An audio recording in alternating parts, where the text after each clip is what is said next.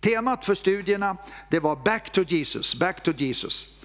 Och anledningen till det, det tar jag lite grann ifrån de kristna kineserna. De kristna kineserna de har ju liksom tänkt så här, att de ska ta evangeliet. Evangeliet har ju liksom gått västerut och så har man tänkt sig då att det kommer till Kina så småningom. Och så tänker man, vi ska ta evangeliet från Kina till Jerusalem, back. Alltså tillbaka, tillbaka till grunden på något sätt. Vi ska tillbaka det. Och det där, det där gillar jag. Och jag tog lite delar där. Back to Jesus.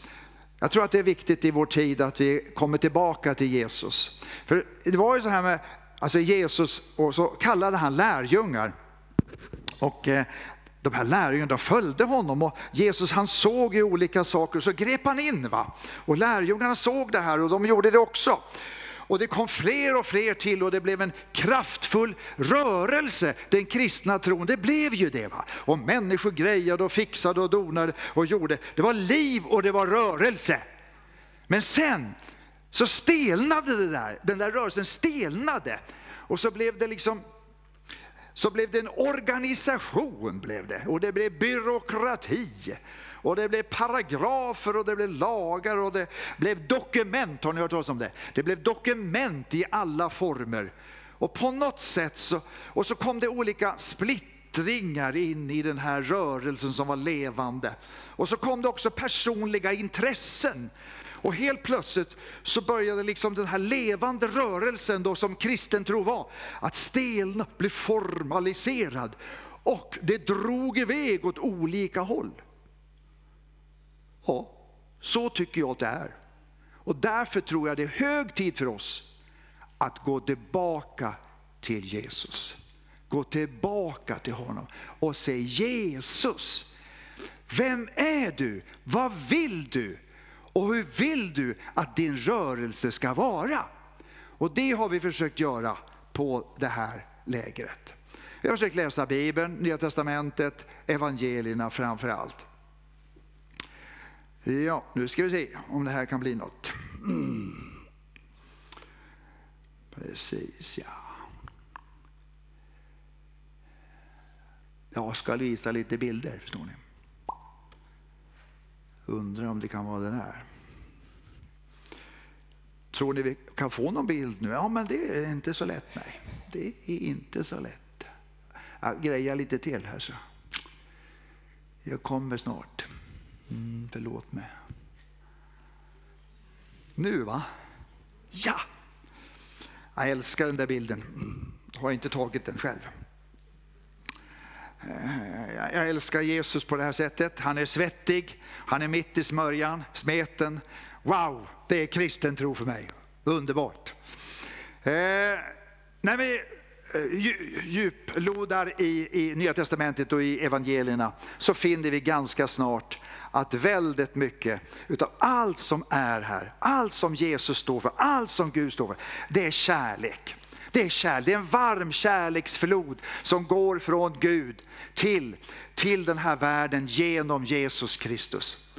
Och liksom kärlek, eh, empati, det är värme, det är vänskap, det är innerlighet. Allt vad detta kärlek innehåller så, så finns det Guds kärlek till oss människor. Och det här är sannerligen ett kärleksbrev. Och det här är viktigt för oss idag att veta det och ta till oss det. Men vad är det vi håller på med?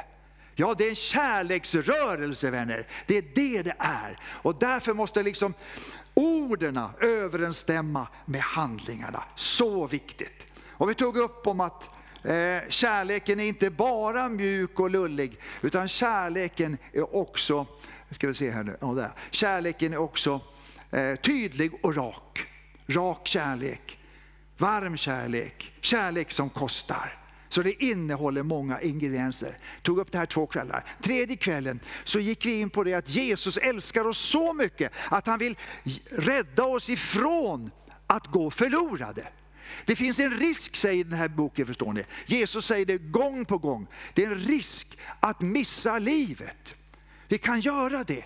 Och Jesus i sin kärlek så berättar han det gång på gång på gång. Och det tror jag är viktigt också, att vi tar tillbaka det och berättar om det. Hörni kära människor på, som lever på jorden här, nu här i april och plockar blommor och grejer. Det finns en risk att ni kan gå förlorade. Och, och det, men det finns också en räddning. Och räddaren heter Jesus Kristus. Det här tog vi upp. Och det är allvar mina vänner. Oerhört allvarligt. Så jag tror vi blev lite omskakade. Men det blir man när man läser Bibeln. Vi tog också upp det att Jesus, han kallade några enkla fiskare och andra enkla människor att följa honom, att bli hans lärjungar. Och Jesus koncentrerade sig på de här. Och det han la in i de här människorna, det förstod han att det kommer de att föra vidare. Och Jesus, liksom, hans själva vision det är att han kallar på lärjungar. Och lärjungarna kallar på lärjungar till Jesus. Och de lärjungarna, de kallar på nya lärjungar till Jesus. Alltså lärjungagörande tog vi upp ganska mycket. Så tog vi också upp det här med att det är en andlig strid, en andlig kamp. Jesus tar upp det gång på gång, han möter djävulen. Han pratar med honom, han vet att djävulen är verklig. Vi skulle önska att han inte var det, men han är det. Han finns alltså. Och det är en andlig strid. Men så har han gett oss himmelrikets nycklar. Helt fantastiskt. Bindenyckel och lösenyckel. Vi kan binda i Jesu namn det onda och de onda krafterna. Amen, det kan vi göra. Han ger det till sin församling. Och så kan vi vara med och lösa Guds välsignelser över människor. Det här ska jag ta upp vid något senare tillfälle, för det är enormt viktigt för en kristen församling och för mig som kristen att leva i det här. Paulus gjorde det. Och det var därför han hade en enorm framgång. Men idag ska vi gå vidare och den här texten ska vi läsa idag. Vi läser den. När det var tillbaka bland folket kom en man fram och föll på knä för honom, för Jesus och sade, Herre förbarma dig över min son. Han är fallande sjuk och plågas svårt. Ibland ramlar han i elden och ibland i vattnet. Jag tog honom till dina lärjungar och du kunde inte bota honom. Jesus svarade, detta fördärvade släkte som inte vill tro hur länge måste jag vara kvar hos er? Hur länge måste jag stå ut med er? För hit honom till mig. Jesus talade strängt till pojken och demonen for ut ur honom och från den stunden var han botad. När de var ensamma kom lärjungarna fram till Jesus och frågade, varför kunde inte vi driva ut demonen? Och han svarade, därför att er tro var svag. Sannerligen, om ni har tro så stor som ett senapskorn kan ni säga till det här berget, flytta dig dit bort. Och det kommer att flytta sig. Ingenting blir omöjligt för er.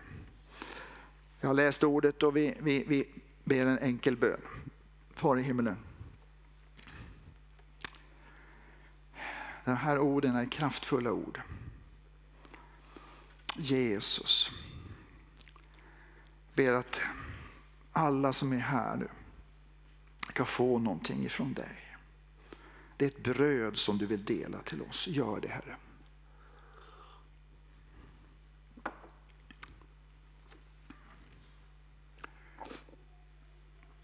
När Jesus gick omkring och kallade på lärjungar så bad han dem att följa Jesus. De skulle följa honom där han gick och där han var. De skulle höra vad han sa, hur han agerade mot människorna. De skulle iaktta allt det där. De skulle lära sig det. Och en anledning till det där, en väldigt viktig anledning, det var det att lärjungarna skulle få en tro. Inte vilken tro som helst, utan de skulle få en Guds tro. Oerhört viktigt. Jesus ville plantera gudstron i lärjungarnas hjärtan. Och kristen tro handlar ju om tro, eller hur? Det är det det gör. Och det vet vi alla. Och därför så ska vi veta att stor tid, jag skulle säga det att det var en, en av hans huvuduppgifter. Vad ville han ge till lärjungarna? Jo, han ville ge en tro, en tro som bär.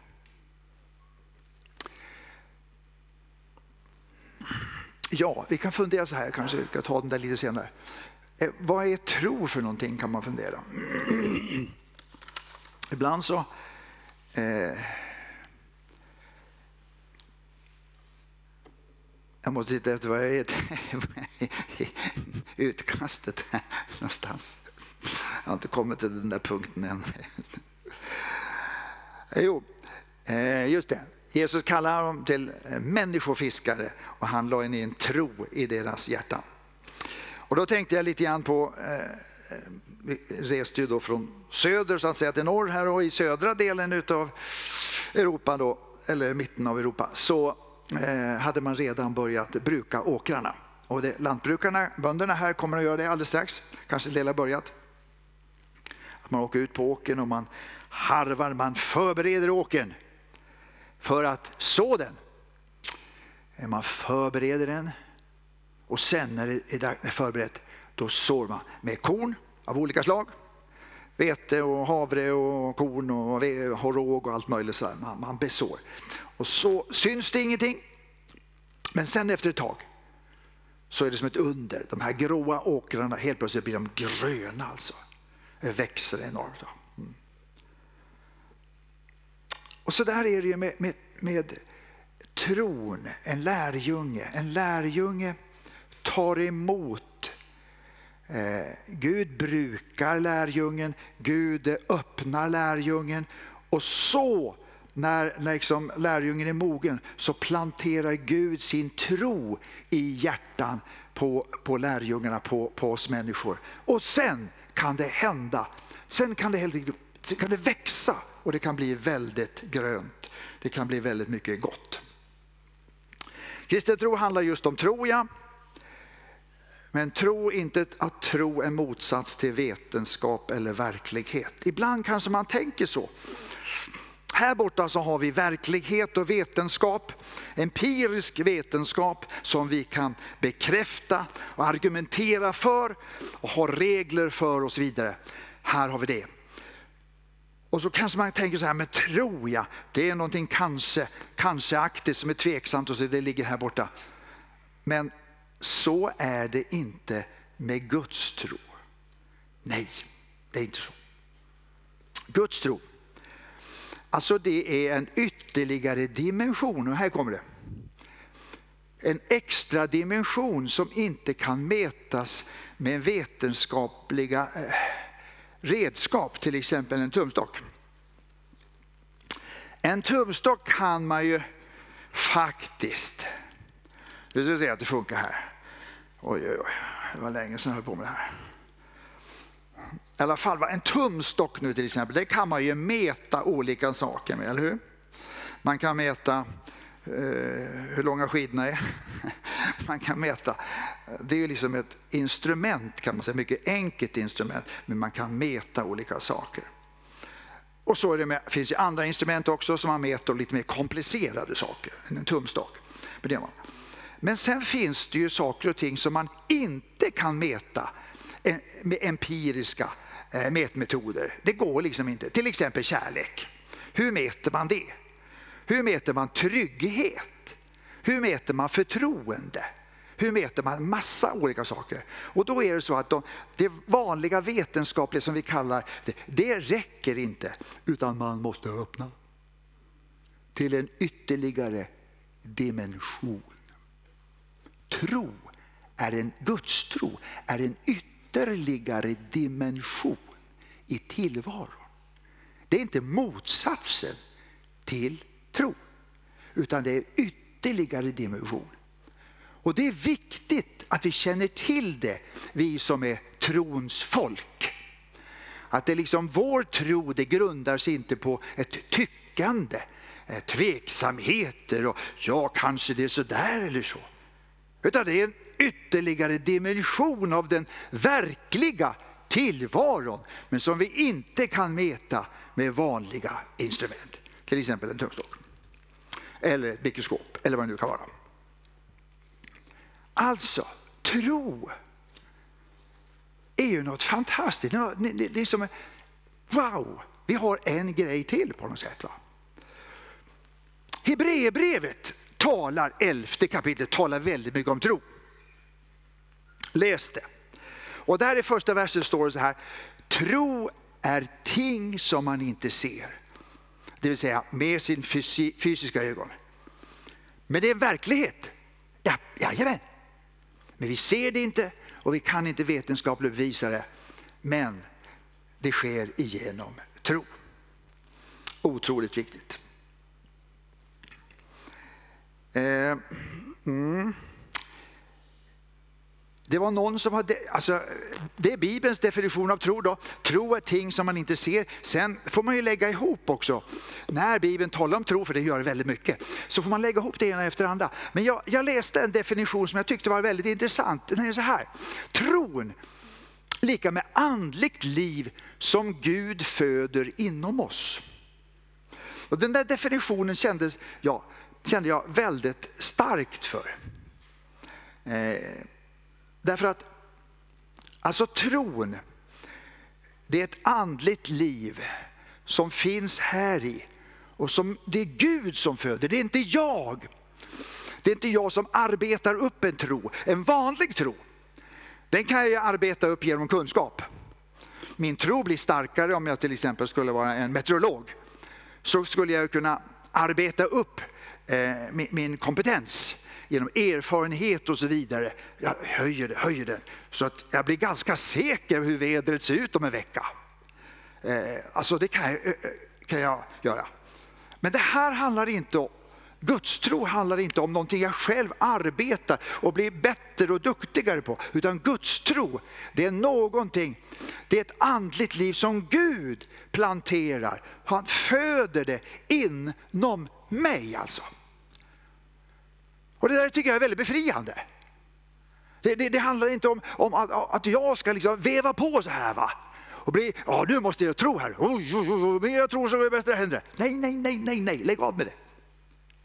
Utan det är istället så att jag, som en åker öppnar jag upp mig för Guds utsäde i mitt liv. Och det är det som skapar tron inom mig. Och den tron, den är helt fantastisk. Eh, precis ja, det hade ett bibelord där. Allt är möjligt för den som tror. Ja, just det. Tron räknar med en ytterligare dimension, Guds dimension. Och för Gud finns det ingenting som är hopplöst eller omöjligt, utan allting är möjligt för Gud. Och detta kan vi få vara med om, kära vänner. Det var det som de första lärjungarna såg och förstod och det var därför de, blev, de blev exalterade. Och de tyckte det här var något helt enormt. Det, de, de, de, det, var inte bara deras egen muskelkraft, deras egna pengar. Nej, här har vi en annan kraft, Guds kraft att tillgå. Woo! De var exalterade över detta. Och därför så spred sig evangeliet till andra människor. Men på något sätt så känner jag att det här har hamnat som en marginell sak. Vi pratar inte så mycket, jag tror det vet vi väl att alla har här som i kyrkan. Och sen är det slut med det. Men det här är huvudämnet vänner. Och när vi tittar i Bibeln och går tillbaka igen, då upptäcker vi sådana här fundament. Och de måste vi på något sätt ta fram alltså. Och det är det jag försöker göra här under det här lägret och här också. Paulus till exempel, han, han kände till det här. Den andra dimensionen. Och han predikade evangeliet och han visste ju det, att det finns en enorm kraft i evangeliet när jag predikar det. Och så var han i Lystra. Jag kan läsa om det här i Apostlagärningarna, jag tror det är 14 kapitlet. I Lystra var han där och han predikade på, han hade inga problem, han predikade längre än mig kan jag säga. I alla fall, han predikade på. Och så var det en man som var lam, han kunde inte gå va. Men så ser Paulus när han tittar på honom, han predikar till honom och han bara ser hur den här mannen liksom, han suger åt sig evangeliet. Och han fylls mer och mer och mer utav det på något sätt. Va? Marken öppnar sig för honom. Och då säger han, bara Paulus till honom, stå på dina ben bara säger han, stå på dina ben. Och mannen, han hade ju fått tro, för det står så, han hade fått, Paulus ser, han hade fått tro så att han kunde bli botad står det. Han hade fått tro så att han kunde bli botad. Alltså, återigen vill jag säga det, han hade inte själv vevat upp den tron.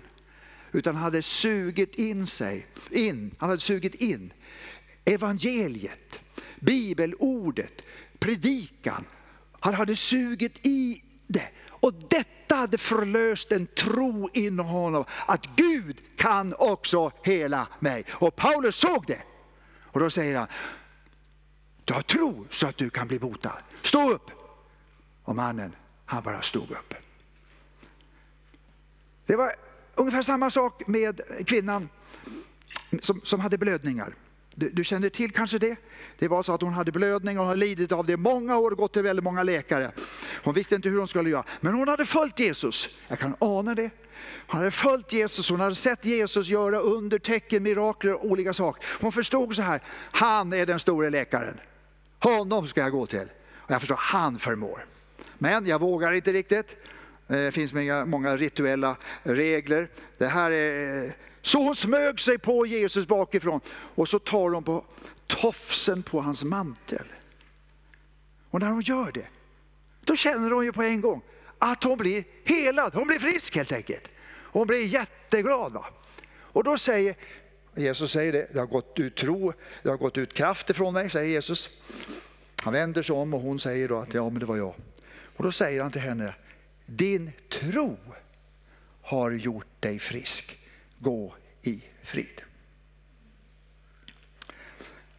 Det här bibelordet brukar vi tala om i de här sammanhangen, nämligen att så bygger tron på förkunnelse och förkunnelse på Kristi ord. Romarbrevet. Och det, jag, jag, tror att det här stämmer. Det är Guds ord, så jag tror det stämmer. Alltså, det vill säga, Guds ord ligger som en grund. Eh, alltså, hur ska, hur ska du, om, om du tänker så här, hur ska jag få min tro att bli större och växa? Hur ska jag få det? Just Guds ord, Guds ord är grunden. Va? Ja. Du, är ingen, du, du börjar läsa här helt enkelt. Ah, det här var intressantare än du tänkte tänkte så ah, den här boken är svart bara så här, det är träligt. Nej, men så började jag läsa, det är intressant, wow liksom. Och så, och så växte, växte liksom liv i dig. va. Och så lyssnar du också till bibelstudium och förkunnelser och, och läser andliga upp, uppbyggelselitteratur. Du läser och du förkovrar dig och du får in mer och mer och mer på något sätt. Allt det här gör det att liksom din åker, din människa, blir mjuk. Och helt plötsligt, genom allt det där, kan Gud plantera in sin tro i ditt hjärta. Och helt plötsligt så känner du att ordet, förkunnelsen, böckerna, undervisning, allt det här, det leder ju till att jag har en tro. Ja, visst, jag har en tro. Och så kan jag naturligtvis, denna tro kan växa. Självklart kan den göra det. Det här är ju själva grejen vi har, det är guldet vi har som, som, som församling. Alltså. Och som kristna, självklart. Jag tänker lite grann på, vi kan gå vidare. Att eh, vi har ett exempel som jag brukar ta med ganska ofta i Bibeln. Det är Markus 2, när det står om att det var en lamman igen. En lamman, många lama män. Mm. Och då står det så här att det var fyra stycken som bar den här lame mannen till Jesus. De här fyra, fyra männen, de hade ju observerat Jesus. De hade sett, han har någonting. Det, det, han, det han pratar om Gud, en levande Gud. Ja, kraft, liv. Och så föddes det en tro hos dessa fyra. Att våran kompis, han som har blivit förlamad genom en olycksfall eller vad det kan vara, han kan inte ha det så här. Vet du vad vi gör? Vi tar honom med till Jesus. Och så vet du det att de måste gå upp på taket och så måste de fira ner honom genom taket. Allt det där är intressant och så. Och då står, det att Jesus, när Jesus såg deras, deras tro, säger det. Alltså de där fyra hade tro va? Att Gud förmådde hela. Och när Jesus såg deras tro, då säger han åt mannen, Dina synder är förlåtna. Stå upp och gå. Och tron förlöstes. Om han själv hade en tro, det vet vi inte. Men de andra runt omkring, de hade tro. Tro så att han kunde bli botad. Jakobs brev kan ibland vara lite jobbigt, eller hur?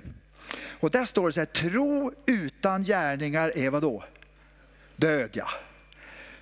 Och då, då, får vi dåligt samvete på en gång, eller hur? Eh, vi, vi, vi, vi, kanske inte har så jättemycket gärningar, tycker vi. Och så här. Men jag ser det i det här sammanhanget, lyssna nu. Jag ser det i det här sammanhanget att, att vad Jakob menar det är att om du har en verklig tro i ditt hjärta, då föder det automatiskt gärningar. Det är ingenting du behöver jobba på. Till exempel då de här fyra männen. De hade fått tro att Jesus kan hela. De hade tro i sitt hjärta. Då gick de till gärningarna. De hämtade den lame, det är gärning det. Hämtade den lame och tog honom till Jesus. De hade tro och de födde gärning. Eller hur? Och det var likadant med kvinnan med, blöd, med blödningar. Hon fick en tro i sitt hjärta. Och så när tron blev havande, så att säga, när tron blev, då födde den gärning. Gärningen att gå till Jesus och röra eh, i den här tofsen. Alltså tron födde en gärning, en handling skulle jag vilja säga. Och så är det med verklig tro. Har du verklig tro min vän? Guds tro i ditt liv? Då sitter du inte still. Då stannar du inte bara upp så här. Utan då föder det handlingar av olika slag. Automatiskt. Absolut, du kan inte låta bli det helt enkelt. Det är så det funkar.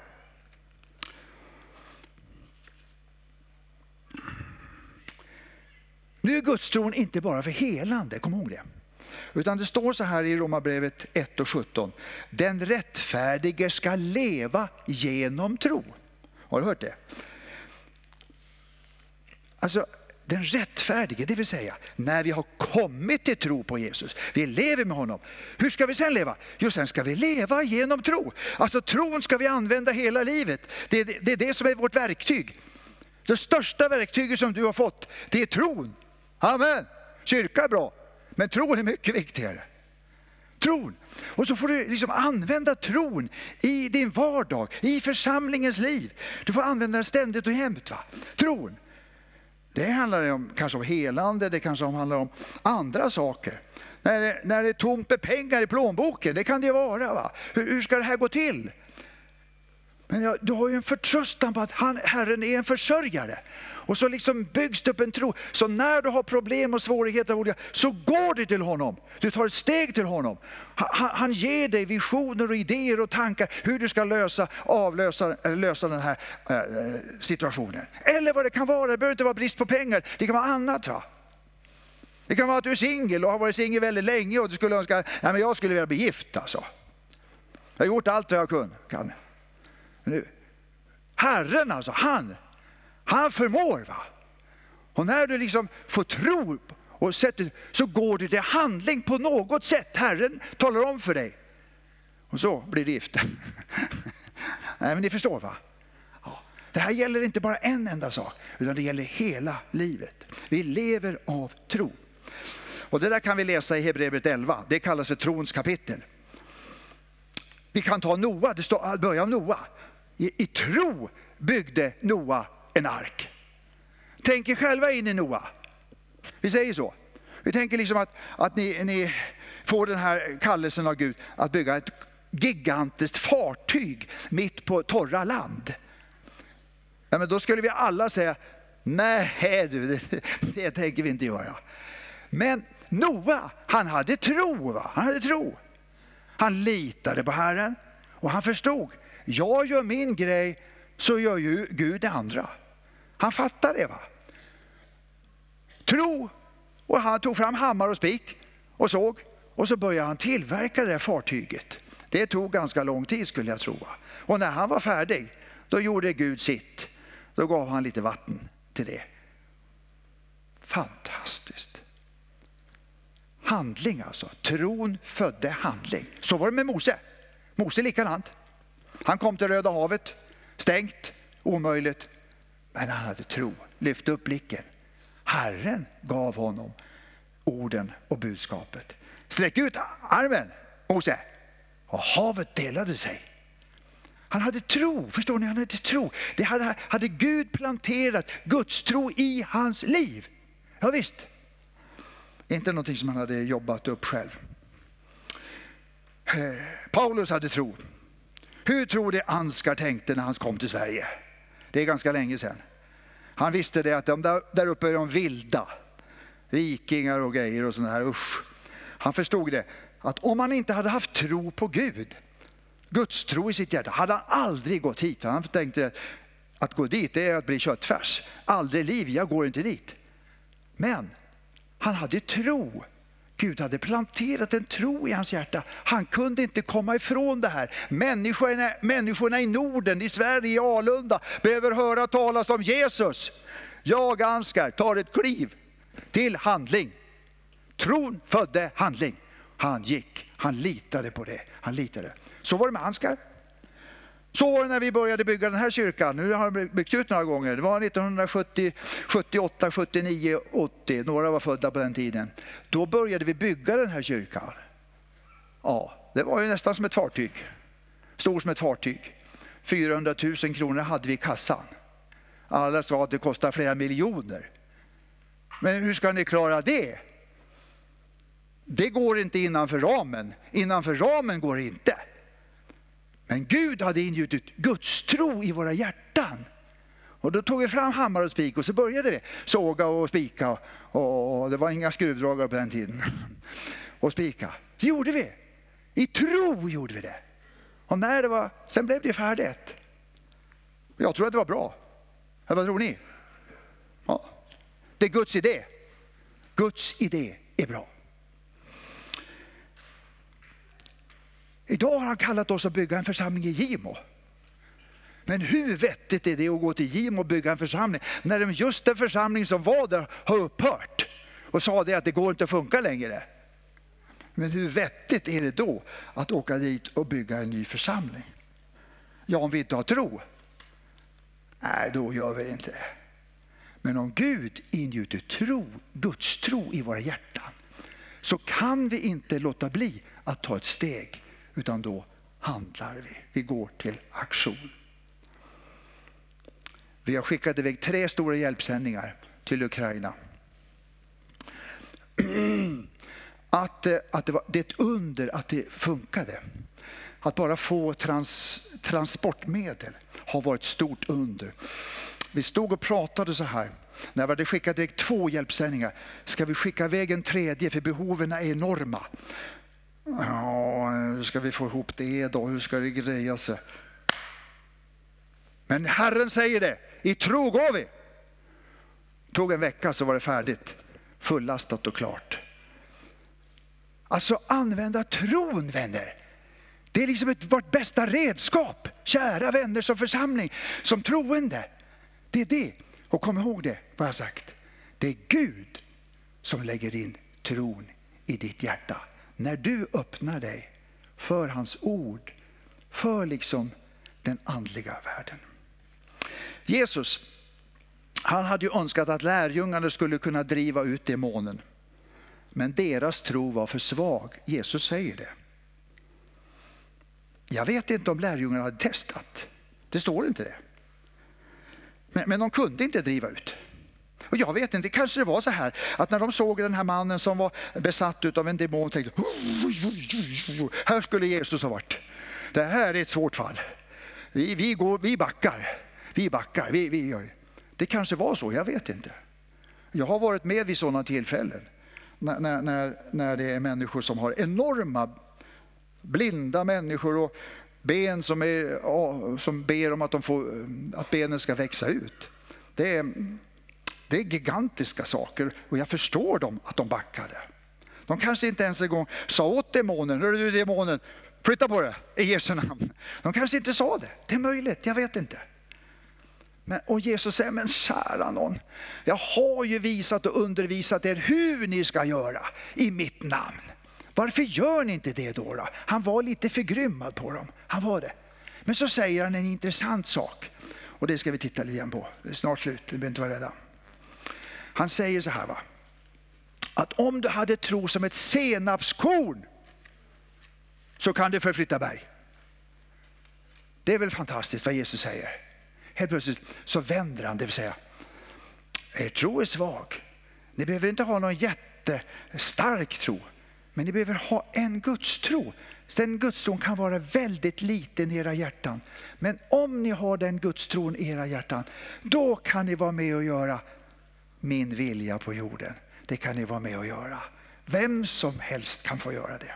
Och så är det ju med oss. Va? Gud, han planterar tro i våra hjärtan. Och det räcker med en liten gudstro, vänner. Det gör det. Och tro, att äga en tro idag, det är ingen funktionsnedsättning. Kom ihåg det.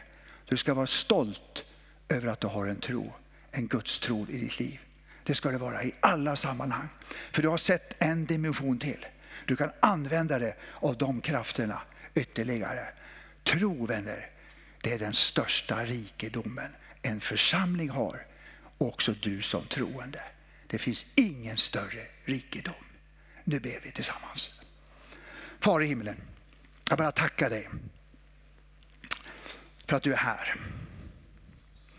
Jag tackar dig för att du har undervisning till oss. Du vill öppna ögonen för oss. Du vill visa oss på dina enorma möjligheter som du har. Du har skapat den här världen. Du har inte slutat att verka. Du skapar idag med. Du kommer att skapa massor med grönska och liv och, och blommor och så här. Och du kan skapa så mycket Herre, för du förmår göra det. Din kraft har inte tagit slut. Ingenting är omöjligt för den som tror. Och du vill plantera tron i våra liv. Det är det du vill göra Herre. Och jag inbjuder dig i den här gudstjänsten. Du ser att vi alla längtar efter tro. Att fyllas med tro. Tro som verksam. Tro som föder handlingar. Tro som bär. Tro som fungerar. Herre, en sådan tro. Jesus, vi bara ber om det. Herre, i din nåd, fyll den här församlingen. Fyll den här kyrkan med den tron. Fyll oss, fyll mig. Jag behöver det. Amen.